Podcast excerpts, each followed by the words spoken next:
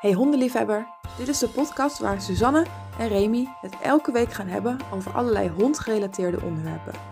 Dit is Hond in de podcast en wat leuk dat je luistert. Zeg Remy, ik ben wel eens nieuwsgierig. Hè? Jij als hondentrainer of kinologisch instructeur eigenlijk. ehm, heb jij dat ook wel eens, dat je met je eigen honden niet meer weet wat je moet doen?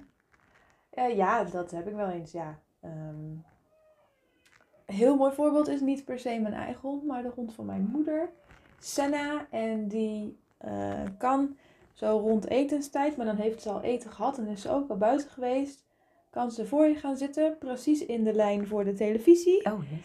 En dan gaat ze aan zitten staren. Oké. En mijn moeder heeft dan echt zoiets van, wat moet ik hiermee? En ik heb geen idee. Niemand weet En, wat ze eh, wil. Dan hebben we zoiets van, ja, wil je dan naar buiten? Wil je dan spelen? Wil je eten? Wat wil je? Goed, en dan voel ik me niet per se gefrustreerd, maar het frustreert me wel dat ik niet weet wat het is. Ja. Ik heb wel eens dat ik bijvoorbeeld een lange dag heb gehad, dat ik moe ben. En, en nou ja, Jana, onze jongste, die kan nog wel eens schelden naar andere honden. Ja. Dat ik dan niet oplettend genoeg ben om dat dan aan te zien komen en dat het dan al gebeurt. En dan ben ik vooral gefrustreerd op mezelf. En merkt Jana daar nog iets van dat jij gefrustreerd bent? Ja, mijn, mijn lontje is korter. Ik kan minder goed nadenken over wat ik op dat moment ga doen. Maar gelukkig heb ik wel eh, her en der dat ik denk, oké, even tot tien tellen. Of daar is meestal niet eens tijd voor. Maar gewoon weg uit het moment. En niet daar blijven staan klungelen terwijl die andere hond in beeld is, zeg Mhm. maar. Dus ik denk wel dat Jana merkt. Want ik breng haar in de situatie waarop ze het nodig vindt om te gaan schelden. Ja.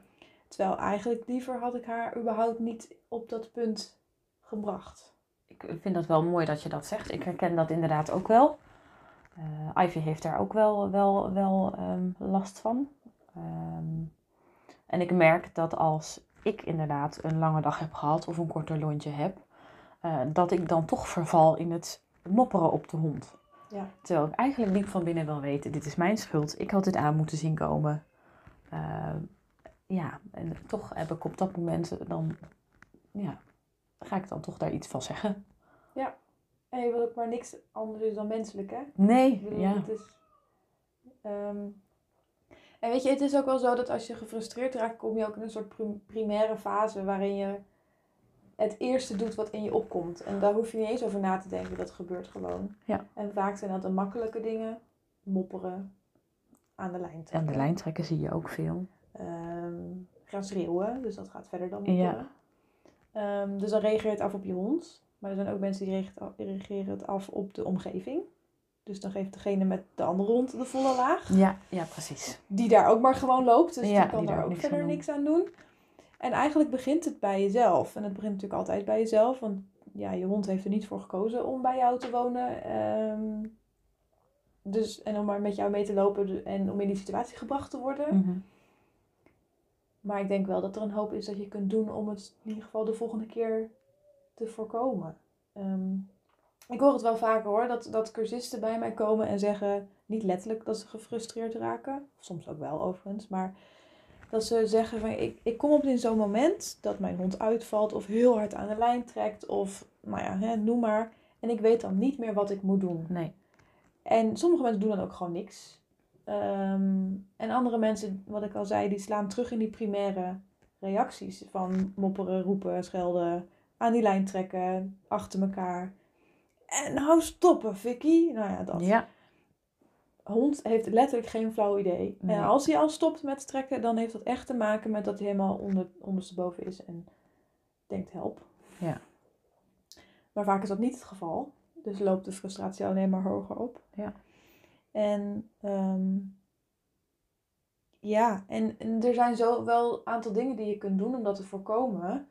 Eh, ik heb toevallig hè, een blog geschreven over frustratie en Oh, hoe je nice. daar, ehm, of een artikel, hè, dus waar, je, waar vier tips in staan, die je kunt gebruiken om eh, ja, je, je, en je frustratie te voorkomen. En wat doe je dan op het moment dat je wel op zo'n punt be- beland bent. En daar gaat het dan vooral om dat je jezelf goed voorbereidt. Eigenlijk al, hè, dat je naar, naar buiten gaat. En als, als jij in weet, dat je een situatie van tevoren al...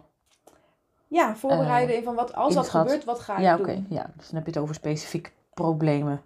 Als jouw hond een specifiek ja. probleem heeft. Ja. Ja, en, en anders als je een pup hebt, even goed. Want die kan, nou ja, als je naar de basisschool gaat, bedenk voor jezelf, maar wat kan er allemaal gebeuren? Daar zijn heel veel kinderen, die zien een Mhm. puppy of gewoon een volwassen hond hè, en die willen daar meestal naartoe. Ja. Laat je daar dan niet door overroelen, overrompelen.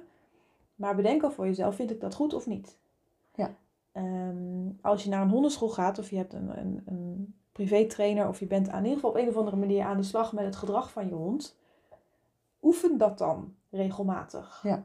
Dat, zo lijkt me sowieso, maar zo vanzelfsprekend is dat niet. Nou ja, ik denk dat mensen toch wel vaak de fout in gaan met dat ze verwachten dat dingen sneller lopen, zeker als je het hebt over leerprocessen, eh, dan dat daadwerkelijk gebeurt. Ja. Hè, als je het hebt over bijvoorbeeld het trekken aan de lijn, of wat je bij jonge honden nog wel eens ziet, is dat ze in de lijn gaan bijten. Ehm, en dat is ook vaak hè, dat mensen dan aan de lijn gaan eh, rukken, of eh, dat ze toch inderdaad met hun stem wat gaan corrigeren, wat de opwinding voor de hond alleen maar groter maakt. Ehm, waardoor het hele probleem alleen maar erger wordt. Ehm, weet je, dat mensen zich soms ook niet realiseren dat bepaalde oefeningen gewoon tijd nodig hebben. En dat is ook zo. En eh, zeker als iets al langere tijd aan de hand Ja. is, dan is iets al een langere tijd een gewoonte. Maar niet alleen voor de hond, maar ook voor jezelf. Ja. Als jij al zes jaar, een willekeurig aantal, jaar achter de hond aan met een gestrekte arm loopt. En je wilt het nu veranderen, dan zul je zelf moeten beginnen met mm, je arm misschien niet meer strekken, maar tegen je buik aanhouden. Mhm. Eh, wat voor vraag ga je stellen aan je hond? Wat voor beloningen neem je mee? Dat is al heel wat anders dan dat je de deur gewoon achter je dicht trekt en gewoon naar buiten loopt. Ja. Dus niet alleen de hond zal iets nieuws moeten leren, ook jij zal je patronen en je gewoontes moeten aanpassen. Nou ja, ik geloof dat ze daar bij mensen 30 dagen voor geven, maar volgens mij klopt dat ook niet. Ehm, maar dat is dus al een maand dat je zelf nodig hebt om überhaupt een, een nieuwe gewoonte aan te leren. Nou ja, dan- ook dat hebben honden toch minstens nodig. Wil je, Ja. hè? Dan heb je het over dagelijks iets nieuws doen. Ja, precies. En ehm, dan, dan hebben we het dus over voorbereiding. Dus zorg dat je de situatie zo inricht dat je je daar prettig bij voelt. Ehm, dat je je voorbereidt, als in oefen de oefening. Mhm. En dan niet alleen maar ehm, op het veld bij de hondenschool en ook niet alleen maar in je woonkamer. Maar bouw dat rustig op naar steeds moeilijkere plekken. Ja. Want die vergissing maken mensen ook wel eens. Dat ze denken, ja, op de hondenschool kan dit. Dus als ik nu ga wandelen thuis, dan lukt het ook. Of dan moet hij het maar kunnen. Nou ja, die zin, Ja, je ja. kunt hem ook omdraaien inderdaad. Ehm, en dat is gewoon niet het geval. Want een hond die eh, leren contextgebonden, niet, hè, sommige honden zijn er makkelijker in dan andere honden. Sommige honden kunnen prima differentiëren dat langs de, hè, naast je benen lopen, dat dat overal zo werkt. Maar meestal zijn de afleidingen bij zo'n wandeling veel te groot om dan ineens naar die nieuwe oefening, naar die nieuwe gewoontes te kunnen schalen. Of Op, hè, Mhm. schuiven, we- nou ja, maakt niet uit dat dat dan terugvalt in het oude patroon. Ja. Waar wij dan vervolgens weer gefrustreerd over worden. Ehm, en er zit ook een stukje omgeving speelt ook voor de mens mee. Want je kan je voorstellen dat als jouw hond nou ja, bijvoorbeeld het afliggen niet goed kan, dat je dat veel relaxter kunt oefenen thuis of ergens waar de situatie veilig is, ehm, dan dat je dat op een terrasje gaat doen. Mhm. Nou ja, coronatijd zal het niet zo vol zitten, maar daar iedereen Nou ja, als je dat op de markt wil. hè, Je hoort wel eens dat mensen naar de markt willen met Ja. hond. En dat ze daar allerlei oefeningen willen doen. Eh, maar dan toch ook tegelijkertijd wel een beetje het gevoel hebben van... Oké, nou staan we hier. Nou kan iedereen ons zien. Hoe erg ga ik af als mijn hond het nu niet doet? Nou, precies. Ja, hè, dus dat, dat je afgevraagd hebt dat hij moet gaan liggen. En je hebt het dus al 36 keer gevraagd en hij ligt nog steeds niet. Nee, hij doet het niet. Hoe ga je dat oplossen? Ondertussen voel je al die ogen om je heen kijken. En je, hoort mensen denken, En je- geef die hond eens op zijn kop. Ja, want als je pech hebt, is er er zo eentje die denkt, nou, hij moet het maar gewoon doen. Die dan hè, het tafeltje naast je zit. Ja, precies. Ehm, dat zijn dus geen veilige leeromstandigheden. Niet, Nee. niet voor de hond, want die voelt echt die druk wel, waardoor die vaak juist blokkeert en het juist niet Mhm. doet. Maar ook voor jezelf niet. Nee. Ehm, en daarbij heb ik dan nog de simpele vraag, joh, als je hond wil staan, laat hem lekker staan. Maar goed, dat is dan niet de oefening. Ehm, blijkbaar is er iets wat ervoor zorgt dat jullie op dat moment er nog niet aan toe zijn. En door dat in te zien, scheelt dat al een hele hoop frustratie. Ja. Want dan stel je dus minder hoge eisen die je niet eens, of misschien niet eens kunt behalen voor jezelf. Ja.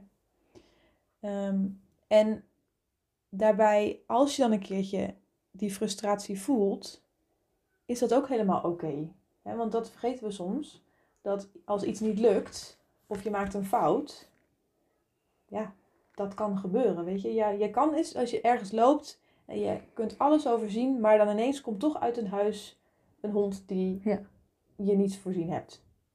En jouw hond valt dus uit, of die gaat blaffen, of die... Ik denk dat het ook goed is dat zeker als dat soort situaties wel vaker voorkomen, eh, dat je dan al van tevoren bedenkt van oké, maar wat ga ik dan doen als het niet lukt? Ja, precies. Hè, hoe ga ik me daarop voorbereiden? En stel dat ik er niks aan kan doen, inderdaad, zo'n hond komt er dan aan, ehm, dat je een soort van plan B hebt of zo. Ja, en misschien wel een plan C. Ja, Hè, want misschien gaan die mensen dan precies, als jij een vluchtroute in je hoofd hebt, lopen die mensen precies naar je vluchtroute toe. ja, Ehm, en als je echt helemaal zoiets hebt van, nou, ik weet het echt niet meer. En je merkt dat je in een soort eh, negatieve spiraal vast komt te zitten door het blijven mopperen op je hond. Aan die riem blijven trekken. Niet meer kunnen bedenken waarvoor je die hoekjes ook alweer bij je hebt. Kan allemaal, hè. Ik bedoel, emoties, die doen wat met je. ja, Bind je hond dan gewoon maar even aan een paal of zo. En tel even tot tien. Hè? Dat je even je handen los hebt. Dat je eventjes kunt zeggen, oké, ik moet even me... ehm, en ja, dat is dan misschien niet de beste oplossing. En dat gaat ook niks oplossen op dat moment. Maar dat je even tot jezelf kan komen. en weer even kan gaan nadenken. Exact. En Ja. dat je dan wel gewoon lekker naar huis kunt gaan. Want ga dan ook niet nog een keer die wandeling verder Nee, afmaken. precies. Tenzij je ehm, je weer helemaal top voelt en denkt, ach, ik ben er weer en ik kan het weer doen. Ehm, maar als je denkt, ja, dit, dit schiet echt niet op. En je kunt het soms vooraf ook al zien aankomen. Hè? Dat als je echt een heftige dag hebt gehad of, eh, met tegenslagen of moeilijke problemen of weet ik wat, dan kan één je wandeling juist heel goed helpen. Maar het kan ook net, zeker als je wandeling zelden ontspannen is, omdat je hond dus allerlei moeilijke dingen laat zien, kan het net de druppel zijn die de emmer doet overlopen. En Misschien is moet je dan wel bedenken van, goh, moeten wij, hè, moet ik mezelf of moet ik onszelf dit aandoen op nou dit ja, moment? precies. Dus dan, ja, dat is inderdaad Misschien moeten we mis- dan ja, een ja. ander moment nemen om dan om iets te te ja. gaan, wel eens even gaan yoga of zo. Nou ja, goed, wel dat je je hond natuurlijk uitlaat. Je kunt hem niet uitlaten. Eh, maar dat je in plaats van een, een, een grote ronde, dat je die eventjes ja. laat zitten bijvoorbeeld. En Ja. dat je dat dan later oppakt op het moment dat je zelf ook weer wat tot rust gekomen bent. Er is ook echt hondenyoga, hè? Oh, Heb je dat echt? wel eens gezien? Nou, ik heb wel eens yoga gedaan dat Ivy zich ermee begon te bemoeien. Oh ja. was echt leuk. Ze ging echt buigingen maken en zo. Dat zag er echt fantastisch uit. Maar het was geen hondenyoga. Nee, dan gaan ze gewoon yoga aan, maar daar zijn allemaal puppies bij. Oh, echt? Het lijkt me echt gigantische chaos. Het lijkt me ook, ja, met al die nagels in je gezicht. Maar dat, ja, want als je dus gefrustre- ge- gefrustreerd voelt, is dat natuurlijk niet meer dan, dan oké. Want ik heb wel eens, dan hoor ik mensen, ja, mijn hond doet zo, puntje, puntje, vul maar in, want ik voel mij onzeker. Of ik, nou, dus dat hun gemoedstoestand van de eigenaar het gedrag van de hond bepaalt. Maar dat is natuurlijk niet helemaal waar. Eh tuurlijk is het wel zo dat als jij Het niet lekker in het wel. Als jij niet lekker in je vel zit, kun jij niet goed handelen, waardoor jouw hond zich stuurloos voelt. Ja. En dan dus maar doet wat hij denkt dat beter is. En dat misschien helemaal niet echt een goed plan vindt. Ehm, maar het is op voorhand natuurlijk niet zo dat als jij je regelmatig gefrustreerd voelt en jouw hond heeft verder nergens last van, gewoon lekker een, een neem mijn Kena, die is elf, die schokt gewoon lekker overal mee. Die zou dat ook doen als ik niet lekker in mijn vel zit. Ja. Dus het is zeker een wisselwerking en het be- be- be- beïnvloedt elkaar zeker. Maar het is niet dat ik Dat probleemgedrag creëer bij mijn hond doordat ik soms niet lekker in mijn vel zit. Nee. Eh, het, het helpt niet. Dus als ik met, eh, met Jana, die dus wel eens wil schelden naar anderen, ik noem het schelden, want het is Ja. niet echt uitvallen. Het is Mhm. een beetje, goed, wordt aan gewerkt. maar, ehm, en ik ben dan niet goed aan het opletten, omdat ik me moe voel, dan weet ik al, oké, ik ga vandaag geen grote ronde doen. Want als ik dan één hond tegenkom, dan gaat, dat gaat goed. Dat, vul, dat past nog binnen het stressemmertje. Maar drie honden, vier, Dat wordt te veel. en als er dan nog eentje tussen zit die ook uitvalt, ja, dan, dan heb ik een probleem. Want Mhm. dan kan ik het, ik nog wel aan, maar ben ik te moe, zit de zin te laag om, ja, op het moment dat het misgaat, om daar wat mee te doen. Ja. En dat klinkt misschien heel gek van iemand die professioneel honden traint. Ja, zo werkt dat. Maar ik ben ook maar gewoon mens. Ja, en als ik precies. de hele dag ehm, bezig ben geweest met andermans honden, Niemand is perfect. dan, ehm, dat gebeurt eigenlijk, eigenlijk echt heel zelden overigens. We praten er nou Toch ook even gezegd hebben. alsof het dagelijks gebeurt, maar het, is, het gebeurt eigenlijk heel zelden. En wij hebben een best wel hele grote tuin. Dus dan besluit ik om dan de honden in de tuin te laten. En ik denk dat dat, ik denk dat dat een hele goede is. En ik denk dat dat voor mensen die dit soort problemen ervaren ook goed is om te weten dat het dus ook bij mensen die professioneel met honden bezig zijn, dat dat ook gewoon zo werkt. Ja, Ehm, en als ze er niet uitkomen, dat het dan ook heel zinvol kan zijn om eens een keer iemand mee te laten kijken. Zeker als je een probleem hebt wat al langer bestaat. Ehm, weet je, dan kan het soms echt heel, heel zinvol zijn om iemand anders even mee te laten kijken. Om te zien of er, nou ja, wat er gebeurt Zeker, precies. ja. Wat aanleiding is. Of hè, dat je... Soms zijn het hele simpele dingen. Oh joh, ik heb wel eens dat ik maar gewoon één keertje een uurtje bij iemand thuis kom en zeg, maar heb je dit al geprobeerd? En dat ze echt een stijl achterover slaan van dat ik daar zelf niet aan heb gedacht. Exact, exact. En dat is het. Precies. Eh, en ik wou dat dat bij iedereen zo makkelijk ging. Maar soms is dat genoeg. Soms is dat genoeg, ja. En dan. ehm, en het is ook wel dat op het moment dat je vastloopt in die frustratie of in die het lukt niet of ik, mijn hond kan het niet of we kunnen het niet of nou hè, zit je ook vast in een soort negatief denkpatroon natuurlijk, waar je dan ook echt wel zelf kracht moet hebben om eruit te komen, Mhm. om het probleem te gaan vinden. Ja. En als je dan hulp gaat vragen, kan die persoon nou jou, mee- jou daarmee helpen. En ik denk dat dat echt wel een begin is om eruit te komen. Dat denk ik ook. Ja. Waar had jij je, je, je ehm, blog? Ja, mijn Neergezet. artikel staat op de website silverlinings.nl. Het goed dat je het even eh, aangaat. Ehm, ja, de, mijn artikel over eh, hoe je frustraties kunt voorkomen en oplossen als het gaat over hondentraining staat op eh, silverlinings.nl onder de blog in het menu. Je, je vindt het wel als je daarop kijkt. Ehm, nou, ik denk dat we zo genoeg besproken hebben over frustratie als het gaat over hondentrainen. Ja. Ehm, heb je nou andere vragen over hondengedrag, trainingen of überhaupt iets over hond? Waar je zegt, nou joh, Suzanne, Remy, daar wil ik graag antwoord op. Mail die naar eh podcast.silverlinings.nl en dan eh, gaan we kijken of we hem kunnen beantwoorden. En ik wil jullie bedanken voor, jullie, eh, voor, je, voor het luisteren.